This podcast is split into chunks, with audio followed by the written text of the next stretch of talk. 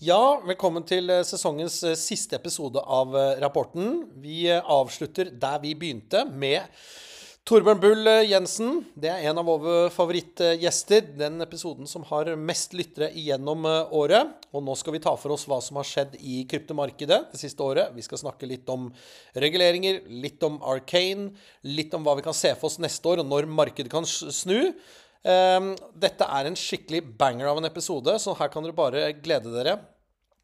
Jeg skal heller ikke holde noen eh, lang innledning nå. Jeg vil bare påpeke at dette, alle kan være enige om at dette året vi har lagt bak oss, har vært eh, helt eh, sinnssykt.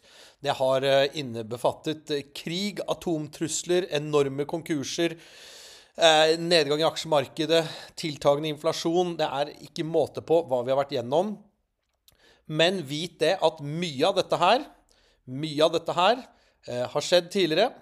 Og alt, og grunnen til at du opplever det så forferdelig, er at det blir forsterket av media. Det er hvordan du konsumerer nyheter, hvordan du er på sosiale medier, som gjør at du som enkeltperson her må ta inn over deg store omveltninger. Har du ikke hatt penger i FTX, så er det ikke kjempeviktig for ditt liv hvorvidt Sam Bankman-Fried ble utlevert i går eller ikke. Jeg skjønner underholdningsgreiene, men bare vit at når man absorberer masse inntrykk hele tiden, så blir det slik at uh, det blir overveldende. Og det, hvis man er i den uh, uh, Hva skal jeg si? Hvis man liker å holde på sånn, som jeg har gjort i alle år, så kommer neste år til å bli enda mer sinnssykt enn hva vi har vært igjennom. Det kan jeg love deg. Så, så bare jobb med egne, egne vaner. Vær, ta vare på deg selv, sinnet ditt og kroppen din og alt mulig. Men bare tenk etter at å lese nyheter mange ganger om dagen og være på sosiale medier og delta i alle store katastrofer som man får veldig nært på seg nå pga. den informasjonsstrømmen som er, så vil alt virke, kan virke veldig øh, overveldende. Og så eh, har vi bare en eh, kjapp sponsor her i dag, som er Calypto. Gå inn på calypto.xyz, Calypto.xyz, og registrer deg der hvis du har lyst til å få melding når dette geniale produktet blir lansert på nyåret. Du blir ikke spammet ned, du får bare en beskjed om når produktet lanseres. Og det er kun eh, uker unna. Så da setter vi over til Torbjørn. Føles som vi skulle Ja. gjøre sånn rap battle. Yo! Yo! Vi er vel i en eh, rap battle. Ja, nå, vi har sittet i dette rommet her mange ganger eh, på kontoret til Arcane, eh, Torbjørn. Det har vi, vet du. Alltid like hyggelig. Og forrige gang jeg hadde deg på, på podkasten, var vel i januar for et år siden. Du åpnet vet hele liksom, året, året 2022 på, på Rapporten podkast, og nå avslutter vi med deg. Jeg, er, jeg vet det blir en spennende episode, og det er de som blir lyttet mest til, faktisk. Så Det var hyggelig å høre, da. det er kult. Men eh, vi har mange kule temaer og, og spennende ting vi skal snakke om. Eh, men vi kan jo begynne litt med, med Arcane. Eh, du er jo eh, administrerende direktør, eller hva, hva tittelen din er. Det krangler vi om hver gang. Ja, daglig leder. eh, Daglig leder. Prøver å late CEO. som jeg er jordnær. Ja, ja. Eh, men gi oss en liten status. Hvor er dere, og hvor skal dere nå? Ja, nei, Da vi snakket sammen sist, så snakket jeg om denne Arcane-plattformen. Og hvordan vi holdt på å samle de forskjellige tjenestene våre. Eh, Og særlig da rette de inn mot større kunder. Eh, Og nå har denne plattformen fått et nytt navn. K33.com. Eh, og si, den rulles nå ut i disse dager. Og landingssiden, og på en måte, første filen, er allerede oppe og ble sluppet tidligere i høst. Eh, og etter hvert på nyåret så kommer flere og flere av de stedene hvor det står 'coming soon', uh, Mm. produktene til å komme som perler på en stol. hvor kommer navnet fra? Ja, Det er det veldig mange som lurer på hvor dette navnet kommer fra. Og her er det veldig spennende sånn mystisk bakgrunnshistorie. Hvor uh, 33 er sånn power number, som betyr kraft og vekst og utvikling. K kan jo selvfølgelig symbolisere kapital. Eh, og du kan fortsette med Google, eller vi testet faktisk med denne AI-en, eh, ChatGBT, til å eh, komme opp med en forklaring. Og den var sånn cirka langs de linjene, for den googlet jo på for å finne det. Eh, mye av sannheten er at det også kommer fra et ønske om å ha et .com-domene. Eh, vi ønsket å ha et kort navn som kan fungere godt på mange språk. Eh, eh, og eh, vi hadde en systematisk prosess hvor vi også så på Man trenger også et trademark for dette her, og vi så på en prosess og hvor K33 falt ut som et veldig godt alternativ, men som fanger da eh, denne samlede plattformen. Og noe av bakgrunnen for behovet for å skille var at eh, det vi har lagt inn i K33, det er det vi gjør på research, det er det vi gjør på megling, og det er det vi gjør på investeringstjenester. Alle de operasjonelle delene. Så det er en måte et produkt- og tech-selskap. Men det vi også har i Hurricane, er jo en mining-operasjon som kjører i Nord-Norge. Vi har eierskap eh, i Pure Digital, denne London-startupen som prøver å bygge et interbankmarked for tier one-banker. Vi har en investering i LN Markets, og vi har mye deal flow, altså mange prosjekter som kommer til oss og søker investering. Så vi har denne porteføljebiten, som er veldig eh, si, Hvis disse selskapene gjør det bra, så vil jo Arcane tjene på det. Men i det daglige er, ikke, er det ikke det så veldig operasjonelt for oss å drive. Så det var et behov for å måtte skille Arcane som et porteføljeselskap fra da K33 som et produkt, tjeneste, eh, operasjonelt selskap. Og Det var også noe grunnen til at vi eh, valgte å, å si, gå for et nytt navn her. da, eh, Og, og få, få liksom gjort det skillet litt tydeligere. Og nå eier dere 100 der, men dere kan i teorien divestify det hvis dere ønsker, eller liste det separat. Og... Ikke sant, Så det kan både listes separat, eh, men en annen grunn til å gjøre dette skillet er jo fordi vi har opplevd veldig mye industriell interesse. Det er en del av de store, eh, mer institusjonelle kryptoaktørene som har vært veldig nysgjerrig med hva vi har gjort på formuesforvaltningssiden. Altså, så K33 er jo en analyseledet eh, meglertjeneste med liksom som retter seg inn mot eh, private formuer. Eh, og den interessen er jo lettere å agere på. F.eks.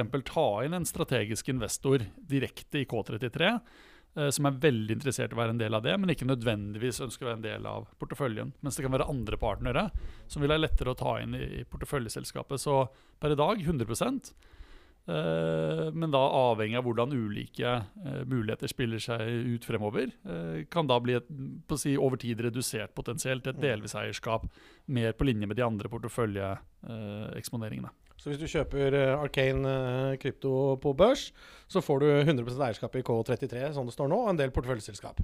Ja, så kjøp det nå! Nei da. Neida. Ja, ok. Men, eh, ja, men det er veldig bra. Er det andre ting? Og dere har vel store planer for å rulle ut dette her i 2023? Ja, nei, altså det er, det er jo veldig spennende. Det som har vært veldig kult, er jo at vi nylig for eksempel ble akseptert uh, på Bloomberg og for å distribuere analysene våre der. Og det har vært en tung prosess. Eh, vi måtte ha referanser fra tre forskjellige eh, fin tradisjonelle finansinstitusjoner. som da måtte sette av tid, og da snakke med Bloomberg og fortelle at eh, de leser det vi skriver, at det er måte god nok kvalitet. Uh, og dette er jo et eksempel. altså Tidligere i høst så rullet vi også ut på Refinitiv og på Infront. Uh, og det er jo da research vi dytter først gjennom disse kanalene. Men det er også det som da skaper synligheten, som gjør at vi treffer de riktige miljøene. Vi får også nå statistikk og kan se hvilke institusjonelle aktører det er som er eh, tilbakevendende lesere. eh, Og får en helt annen mulighet til å kunne jobbe systematisk inn mot de mer tradisjonelle finansmiljøene, men som er nysgjerrige og på vei over i krypto, og sitte som en si, bro eh, og si, bygge sammen sektorene der. da. Ja, det er jo alle de største si, institusjonene i verden sitter jo på Bloomberg. Jeg tror det koster sånn 100 000 i året å ha en terminal. Sånn at det er jo det er en stor gruppe. Nei, men så bra. Veldig, veldig kult. Spennende.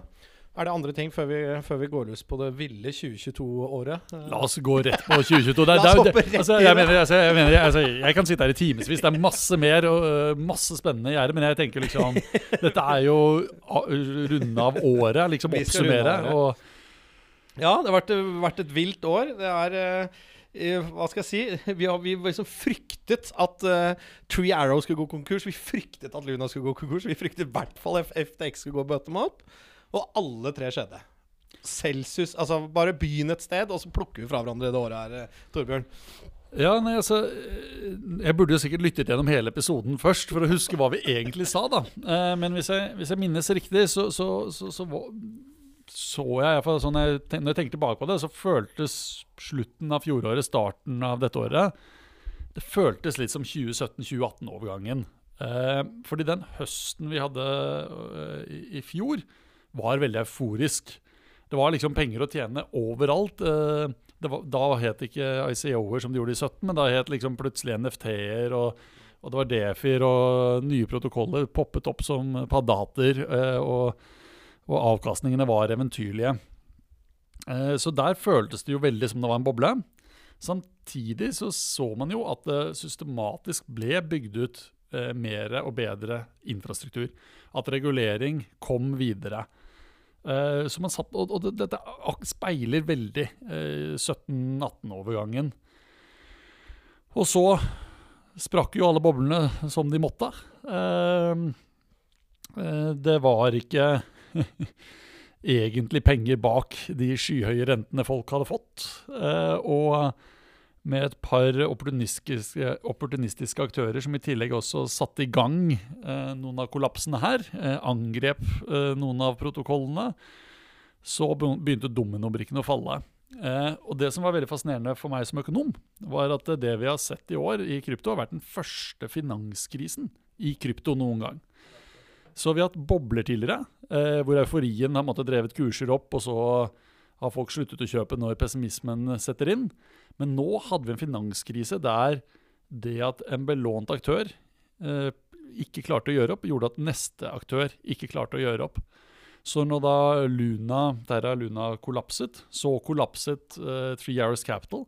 Three Hours Capital hadde jo lånt penger av egentlig av alle de store der ute.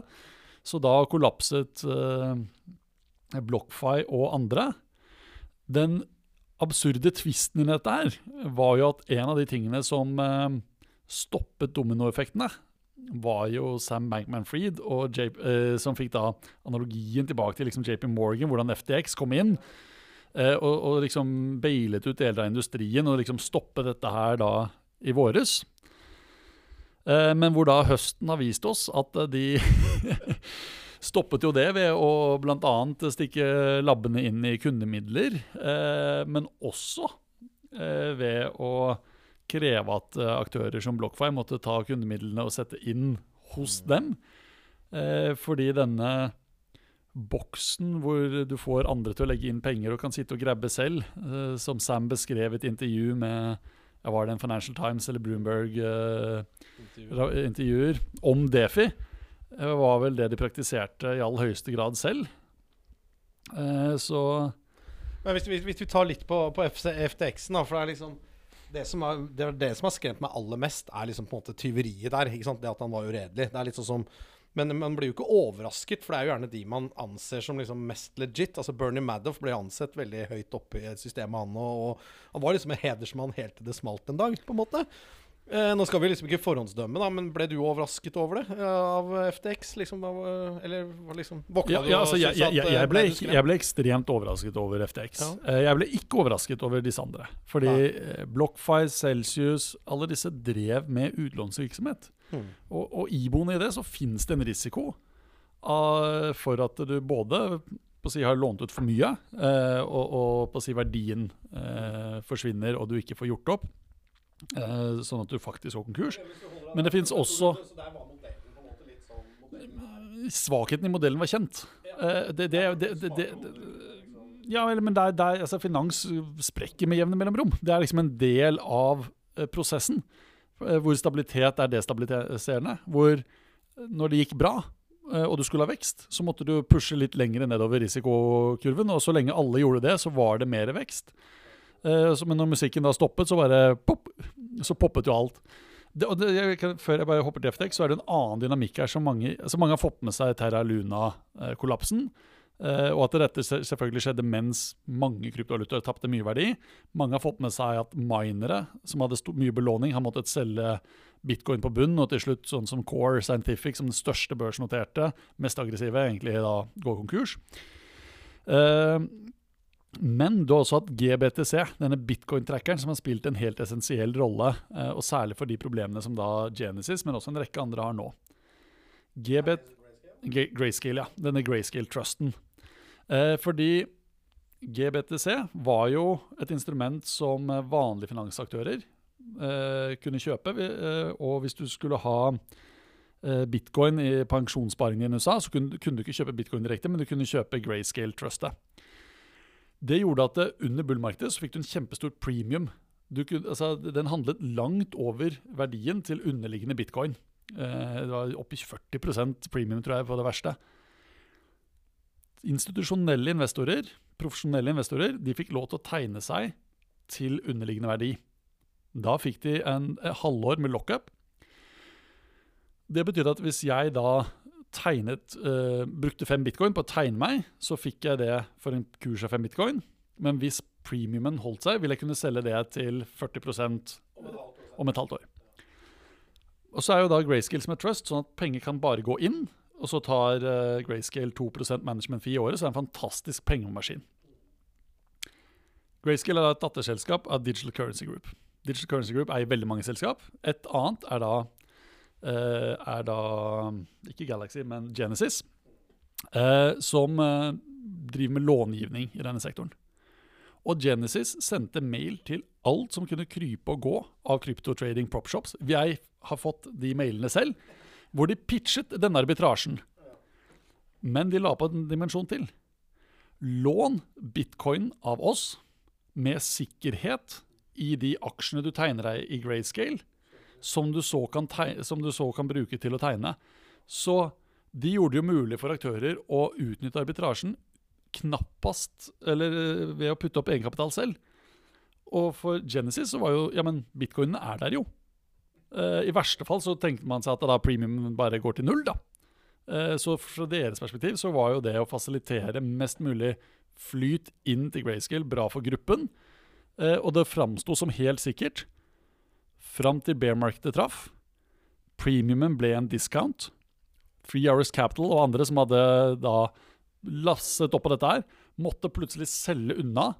Det var ingen kjøpere.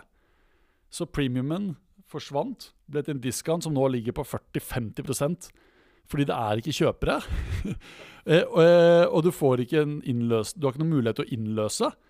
Eh, og det at du har den enorme discounten, er jo med på å skape masse av de problemene. fordi det som ikke skulle kunne skje, at det ble vært mindre enn underliggende, har skjedd, da. Altså, hva er status der nå, da? Det er akkurat det du beskriver. Ja, status nå er at uh, de prøver å få gjort dette om til en ETF. Da vil du kunne innløse og på en måte få, og få fleksibilitet. Det antagelig, De har, prøvd, de har saksøkt SSI, altså Security Exchange, altså mm, finansregulerende myndighet i USA, fordi de avslo søknaden opprinnelig. De kommer antageligvis til å tape den rettssaken.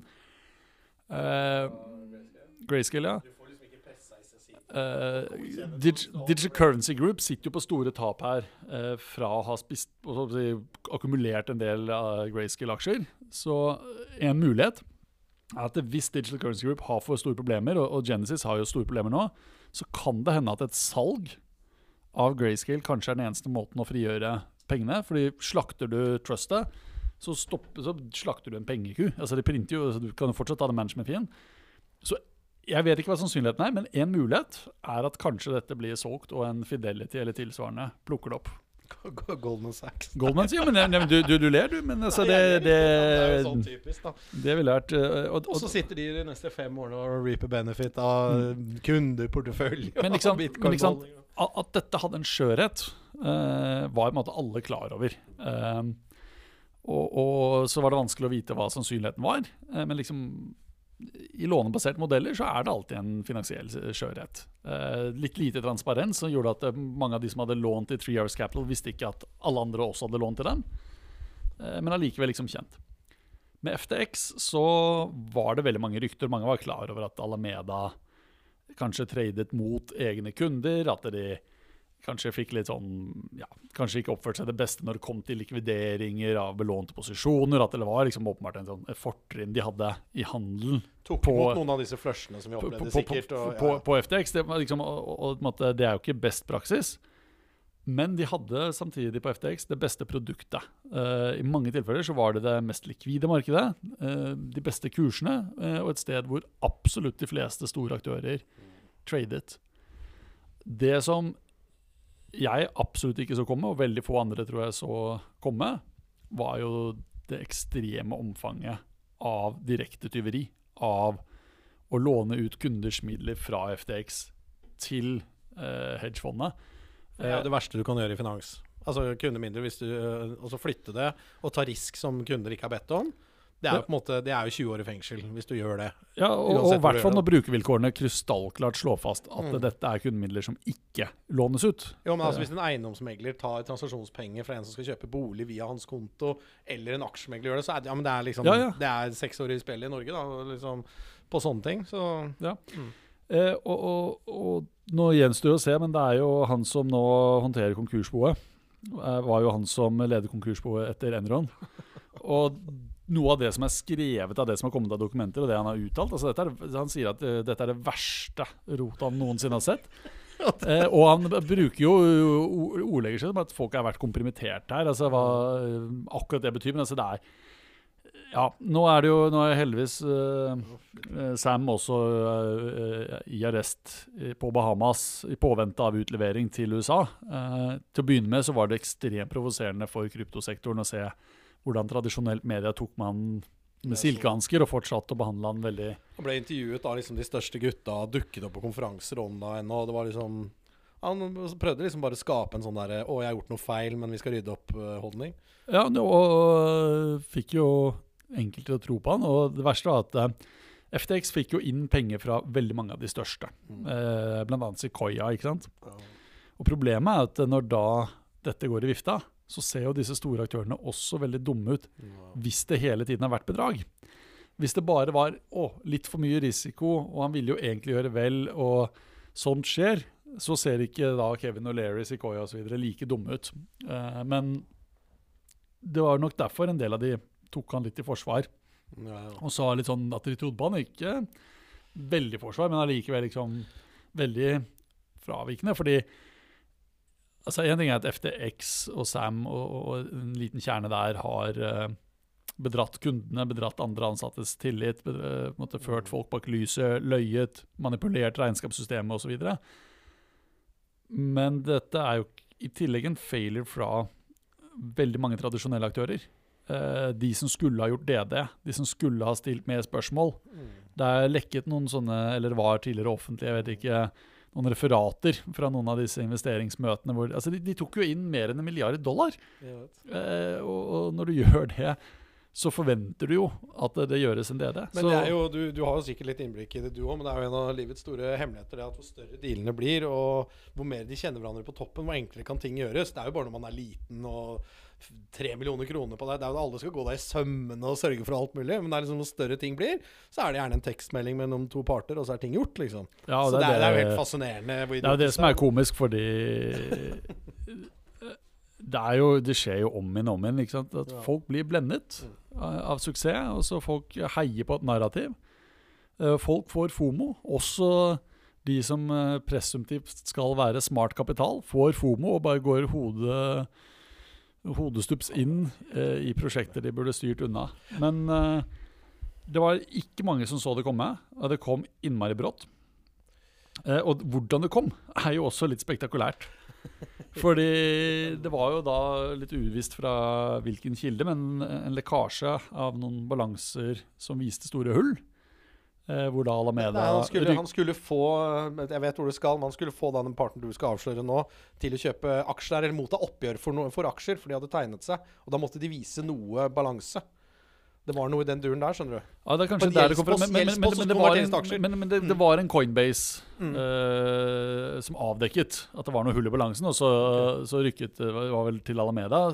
Men jeg husker, så rykket ut og sa men her, mangler, her er det 10 milliarder dollar som liksom ikke er redegjort for. Dette, er ikke, dette var delvis. Men så kom da Sisi. Ja, det var den jeg Eh, mente. og Han ja. hadde utstående lån som skulle konvertere til aksjer, så han fikk tak i balansetallene. Ja, det var- ja, Så det var lovlig. De sendte det til han fordi han skulle da bli Aha, så var da, aksjonær-eier. var da Så han han så bare så det kjapt. Shit. Uh, ja. Ja, nei, fordi Binance og Sisi var jo en av de første aksjonærene som hadde investert Mm. tidlig. Uh, men uh, fikk jo til å bli kjøpt ut av FTX. Men i kjølvannet av det så ble de sittende med utrolig mye FTT-token. Som skulle konverteres til aksjer. Sånn var det. Mm. Ja, eller de trodde de skulle helt ut. Jeg er ikke, jeg er ikke helt Samme sikker. det, har, men i hvert fall det som da var veldig spektakulært, var jo hvordan Sisi med viten, etter hvert i hvert fall, med viten og vilje, på Twitter uh, skrev en sånn melding at vi skal selge alle våre FTT med minst mulig market impact, men vi skal gjøre det raskt. Det var jo sånn eh, Og da dumpet FTT, eh, altså Bind, nei, FTX sin egen token, som da hadde blitt printet ut av løse luften og blitt brukt opp som pant for eh, Alameda. Eh, og i forbindelse med det så raknet tilliten til FTX eh, raskt. Sisi fortsatte jo å komme med bekymringsmeldinger på sosiale medier. Man fikk et bankrun, og enhver kryptobørs som uh, sier at de ikke skal låne ut kundemidler, skal kunne tåle opptil et 100% bankrun, fordi pengene skal stå i hvelvet. Det gjorde de ikke her, så etter et par milliarder dollar ut av uttak, så ble det bråstopp. Og Sam insisterte på at uh, ingenting var konkurs, og så signerte han konkurssøknadene sånn cirka, cirka samtidig. Så det er mange aktører med penger låst og tapt på FTX. Vi kom oss helskinnet unna. Eh, vi var litt paranoide, så på den søndagen da det begynte å ulme, eh, så trakk vi ut det vi hadde fra, fra, fra tradingen. Og det var ikke store pengene, men eh, vi tenkte litt sånn ja, dette blåser sikkert over. Dette, så inntil liksom akkurat da det smalt, så tenkte man jo at det, dette går jo bra. FTX er jo en av de store og seriøse, og de er jo godt finansiert. Men vi tenkte liksom better safe than sorry. Eh, vi hadde ikke noe stor alternativkostnad ved å liksom trekke det ut. Eh, og, jo, det er jeg veldig takknemlig for, selv om det ikke var mye penger. Eh, og, lærdommen her framover er jo også å være veldig påpasselig. Men har man noe alternativ? Jeg bare tenker sånn teknisk. Jeg vet På Ethereum-siden kan man handle på ulike dekser, og man kan gjøre andre, andre ting da, enn å må ha det stående på en børs for å handle. Er hvor, liksom det volumet dere i hvert fall gjør på asset-siden, da kanskje? Eller, eller har man noen gode alternativer som er sikrere enn å stole på en annen børs? Ja, du har en del alternativer. Eh, akkurat når du skal handle, er det stort sett ingen vei utenom at du må stille noen midler til disposisjon for den aktøren som gjør handel for deg. Eventuelt så kan du få kredittlinje, så du kan handle på kreditt. Eh, mange av de partene vi handler med, så eh, hvis du kommer til oss og skal si eh, kjøpe fem bitcoin, så hedger vi ut den transaksjonen med vår motpart med en gang. Eh, det gjør vi på en kredittlinje eh, hvor vi har noe pant. Så sender du dine Kroner, eh, kroner til oss, eh, og så settler vi. Men istedenfor å settle alt i én transaksjon, så kan vi også bryte opp sånn at det sendes inkrementelt, sånn vi sender litt, får litt, sender litt, får litt. Ja, du kan nette litt, for plutselig er det en som skal selge i løpet av dagen også. Ja, men og på den måten kan du måtte komprimere den risikoen når du skal handle. Mm. Eh, men det viktige er jo å skille mellom hva som er sparekontoen, og hva som er handelskontoen. Eh, og sparekontoen kan du holde mye sikrere. Du ja, kan, kan du handle på en nøkkel selv, eller du kan uh, cold storage. Du kan Ikke sant, så Der kan du, der kan du som sier, du kan holde på egne hardware wallets, du kan sette opp multisignatur, du kan gjøre det helt selv. For de som er teknisk kyndige, kan det funke bra. Du har løsninger som Casa, som holder deg i lanken eh, og hjelper deg å gjøre multisig og gjøre det mer brukvennlig, men det er fortsatt du som har det fulle eierskapet. Men her er også et produkt som vi faktisk har, eh, mm. som kundene plutselig skjønte verdien av. For med oss så kan du holde et hvelv der du har dine egne adresser som du kan se på blokkjeden. Og det betyr at eh, etter at du har kjøpt de fem bitcoinene, så kan du se og monitorere at dine fem bitcoin står på den adressen. Og Det betyr at uh, i motsetning til alle disse som prøver å gjøre proof of reserves, og som viser så mange bitcoin har NBX, så mange har Firi, så mange har Binance, men spørsmålet er ja, men hvor mye skylder dere kundene? Hva er, liksom, hva er kundenes fordring siden?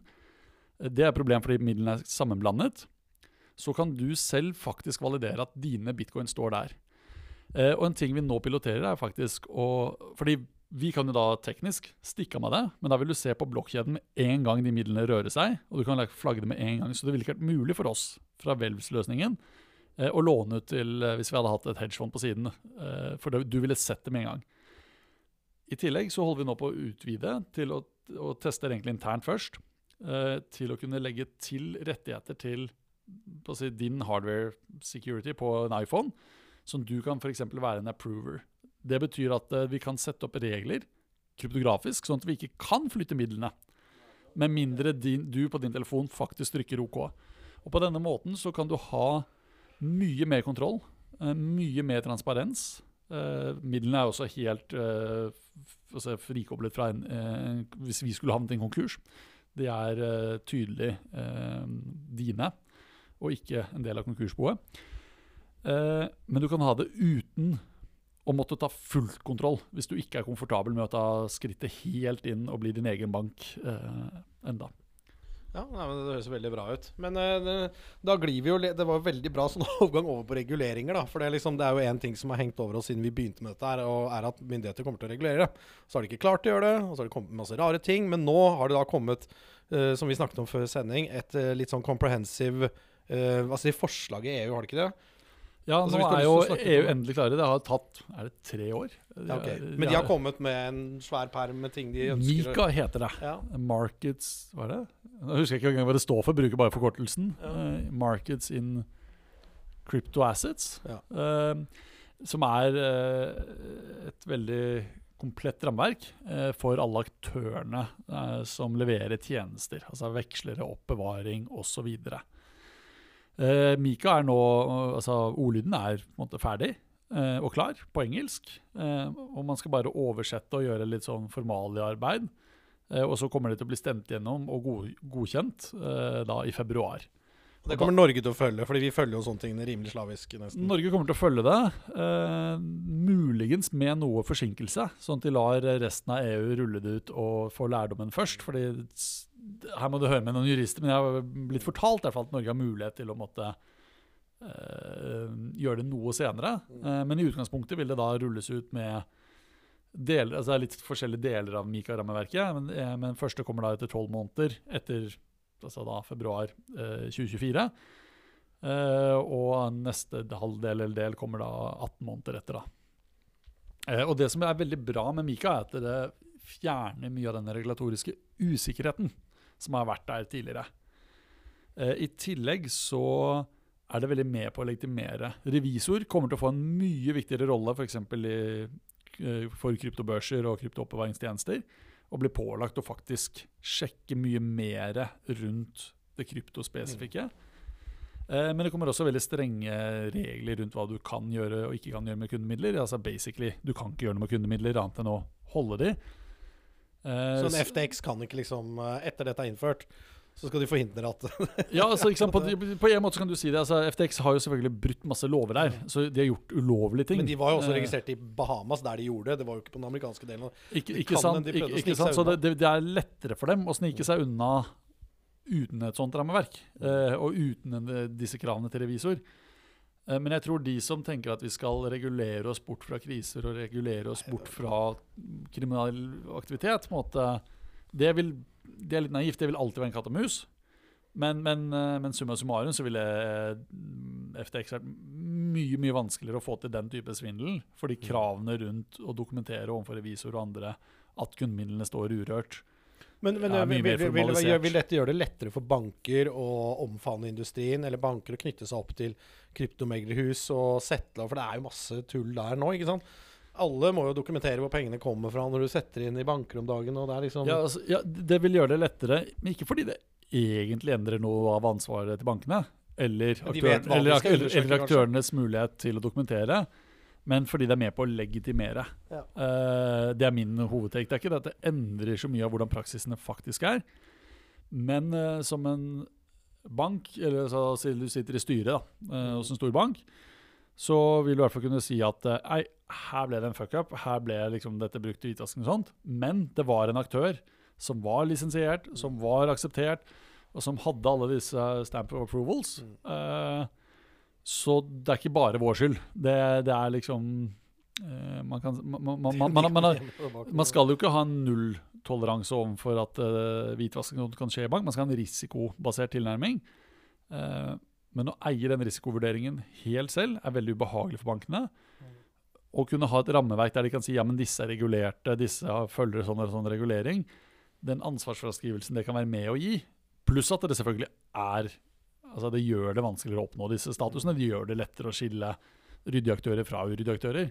Det vil gjøre det mye lettere for banker å, å jobbe Ja, jeg, jeg, tror tettere med bransjen. en, jeg tror det kommer til å være en vekstfaktor for kryptomarkedet bare på grunn av det. Du er jo får helt nye aktører som kommer inn, det legitimerer det. Nye altså, det bare gjør det annerledes. Det, det, det er masse det kommer til å låse opp. Eh, og vi ser jo det for vår del også, som Mm. sitter inn mot formuesforvaltning. Det er masse aktører som er nysgjerrige, som måtte følge med på analysene vi gjør, som har klientetterspørsel, men, og som kan gjerne hjelpe klientene på WhatsApp og måte sende dem vår vei. Men med en gang disse, at Mika kommer på plass, så kommer det til en helt annen prosess for å få dette godkjent eh, som formelle samarbeid, eh, og få en måte systematisert opp.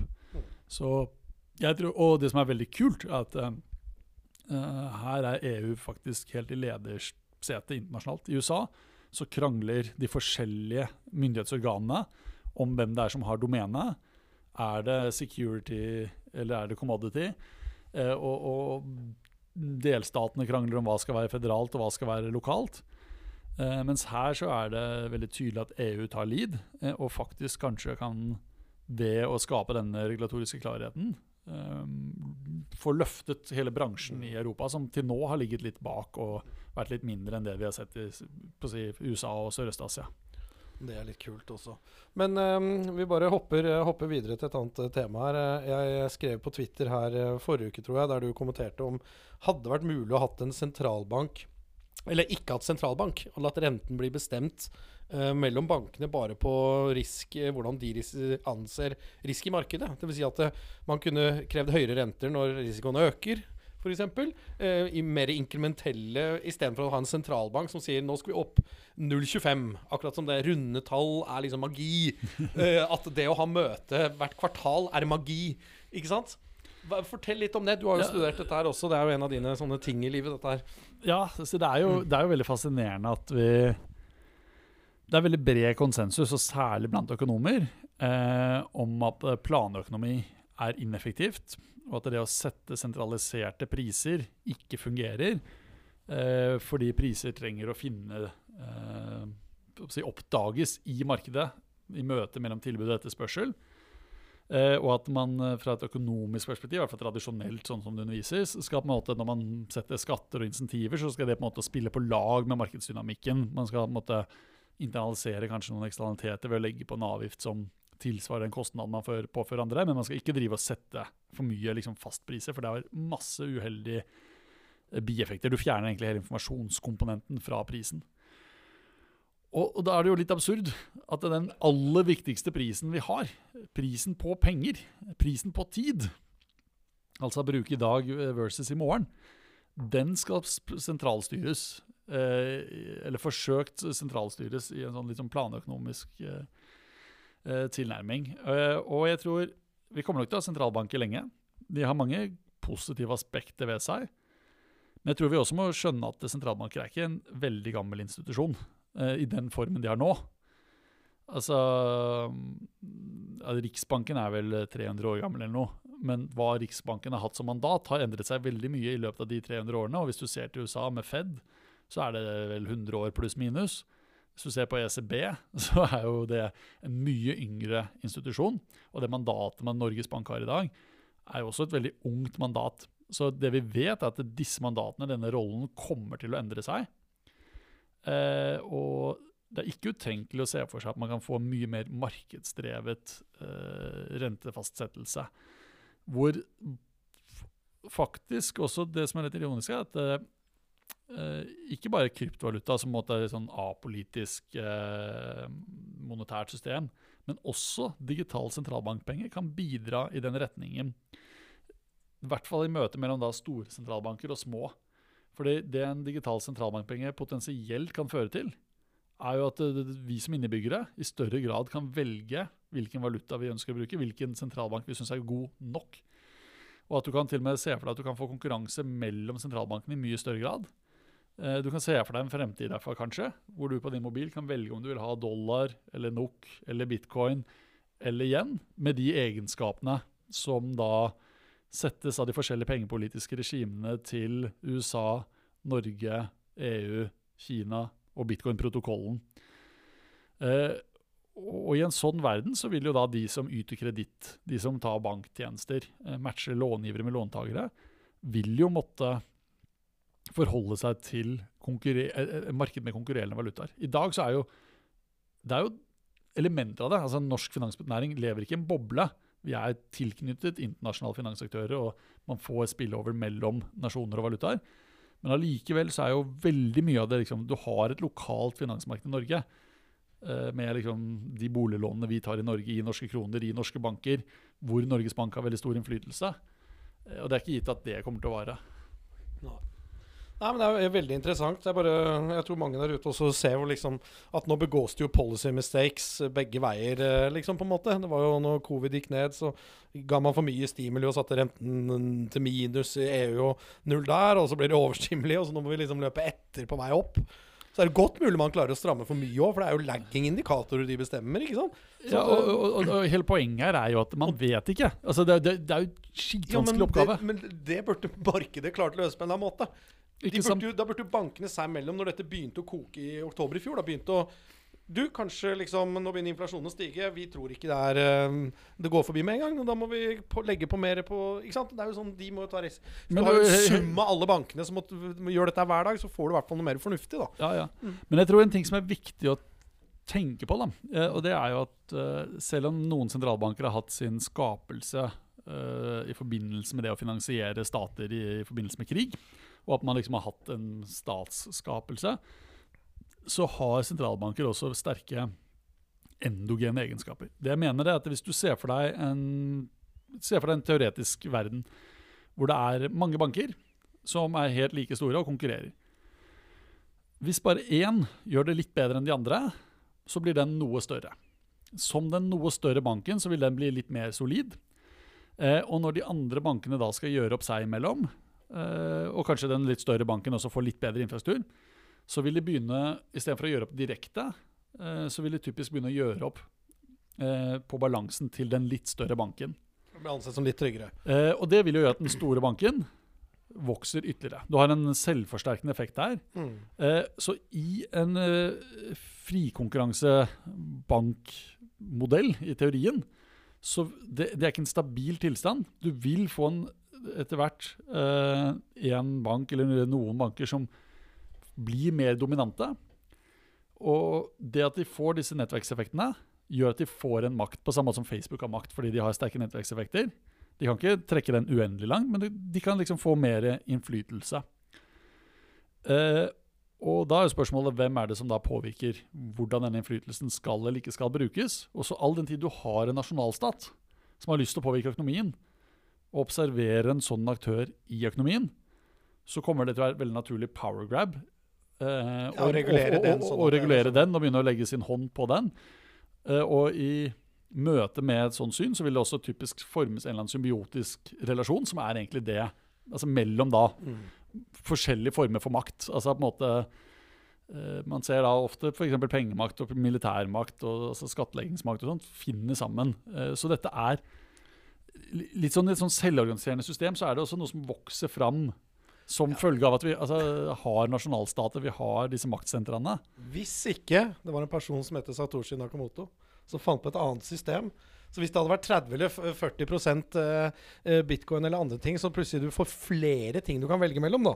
Ja, Men da begynner Så- det spennende å bli Får vi da nasjonalstatens fall og heller fremveksten av mindre altså kall det sterkere lokalstyre? Hvor eh, Bergen kunne konkurrert med Oslo om rammevilkår og tiltrukket seg aktiviteter. Altså litt mer enn sveitsisk modell. Eh, fordi Spennende, nettopp det at eh, Det er jo det som er så utrolig interessant her. At eh, bitcoin og kryptovaluta, internett også, pirker i fundamentet for menneskelig samhandling. Så til de grader at vi potensielt kan pirke i hvordan institusjonene våre er. Eh, de institusjonene vi har i dag, har vokst fram for å møte behovene og mulighetene i et industrisamfunn. Altså tenk fabrikker, stedspesifikke, kapitalintensive, mange arbeidstakere som går, og, går inn og stempler inn og ut hele livet. Det er liksom det institusjonene våre i dag er bygd opp for. Det er skattesystemet vårt er bygd opp for, det er skolesystemet vårt er bygd opp for. Så har vi prøvd å tweake det. Men utviklingen går jo raskere enn tweakingen går. Eh, og, og hvis man da trekker et sånt samfunn med digital tjenesteyting, grenseløshet, eh, grenseløs verdihåndtering De mest verdiskapende selskapene vi har, er åndsverksbaserte, som du kan bare flytte over landegrenser. Du kan ikke ta med deg en uh, treforedlingsfabrikk og flytte over til Sveits. Altså, eieren kan flytte til Sveits, men så lenge fabrikken ligger her, så kan myndighetene eh, ytterst si det er der den ligger. Men uh, når uh, Dune eh, som fram til nylig har vært et norsk selskap, møter en formuesskatt som gjør at det ikke funker for et startup i den sammenheng, så blir det et sveitsisk eller i hvert fall så blir gründersveitsisk, om ikke annet. Det er i hvert fall starten på noe. Men uh, vi skal gå inn uh, for eh, landing her, men vi må, vi må snakke litt om det neste halvåret. Litt om inflasjonen som uh, kanskje faller tilbake, og starten på et nytt bullmarked. Du kjenner jo meg, jeg har jo aldri vært mer bull enn hva jeg er nå.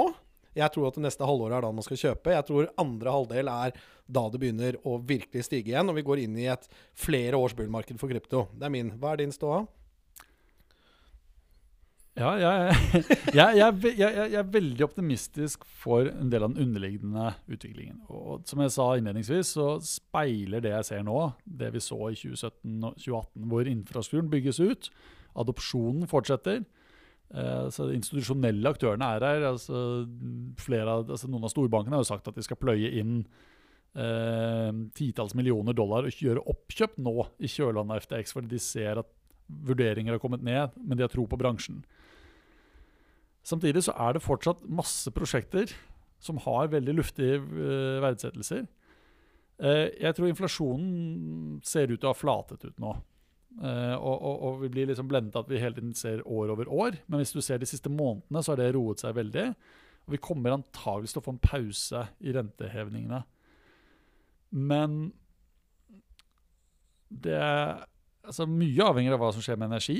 Mye avhenger av om vi får en eh, hvordan lønnsveksten blir. Eh, fordi Med alle disse kostnadsøkningene så er det mange som pusher på for høyere lønn. Og er arbeidsmarkedet stramt nok, så kan du få en lønnsprisspiral. Eh, og det er, det er, kanskje det klassisk skolerte økonomer i sentralbanker er aller reddest for. Så jeg tror nok at det kanskje, la oss si Hvis jeg skal gjette, da Disse tingene er jo umulig å vite, så, så tror jeg man kan få jeg, jeg, tror på en første man kan få en periode med litt mer nyttårsoptimisme. Men jeg, det er fortsatt mange skjær i sjøen her, og, og, jeg tror ikke man skal utelukke at det kan være at vi beveger oss inn i et tiår med høyere inflasjon og høyere rente. Jeg tror ikke noe hyperinflasjon er det som kommer til å skje, men, men hvor det lange tiåret vi har bak oss, som har formet veldig manges oppfattelse av hvordan markedet er, med, med stadig lavere renter eh, Det paradigmet kanskje eh, er brutt. da og at uh, men ja. Men Ja, altså For at de skal begynne å sette ned rentene kraftig, så må inflasjonen falle kraftig. Og det betyr jo bare at de går dårligere i samfunnet. Ja, nei, men, men, for å snu på det, altså jeg kjøper bitcoin nå. Ja. Jeg, jeg, mener altså For bitcoin helt konkret så ser jeg dette som veldig spennende inngangsverdier. for den holder seg bra rundt 16 000-17 000 dollar. Det syns jo den har vært der siden mai. Ja, og, og, og, med den underliggende videreutviklingen mm. eh, så, så, kan ikke jeg være annet enn veldig optimistisk der mm. på sikt. Mm. Eh, for kryptovaluta som bransje også, så er det ingen tvil om at med den reguleringen som kommer, med den oppvasken som jeg så til de grader er blitt tatt gjennom det året som er vært, så er på en måte skiten snart vaska ut. Mm. Grunnlaget er der for en ny vekst. Jeg er helt sikker på at vi kommer til å se nye all time highs for bitcoin på et eller annet tidspunkt. Forhåpentligvis ikke fordi vi ser all time low på dollar, men uh, ikke utelukket det heller. uh, og, og, og, jeg tror på en måte om det er i år eller neste år, altså om det er neste år eller året etter, er ikke for meg personlig så viktig, så lenge man ser de underliggende uh, utviklingene og på en måte posisjonerer seg for de store trendene. da. Iallfall sånn jeg tenker på det personlig. Ja, men det var bra. Takk for at du stilte. Og så ønsker jeg deg god jul, Torbjørn. God jul. God jul.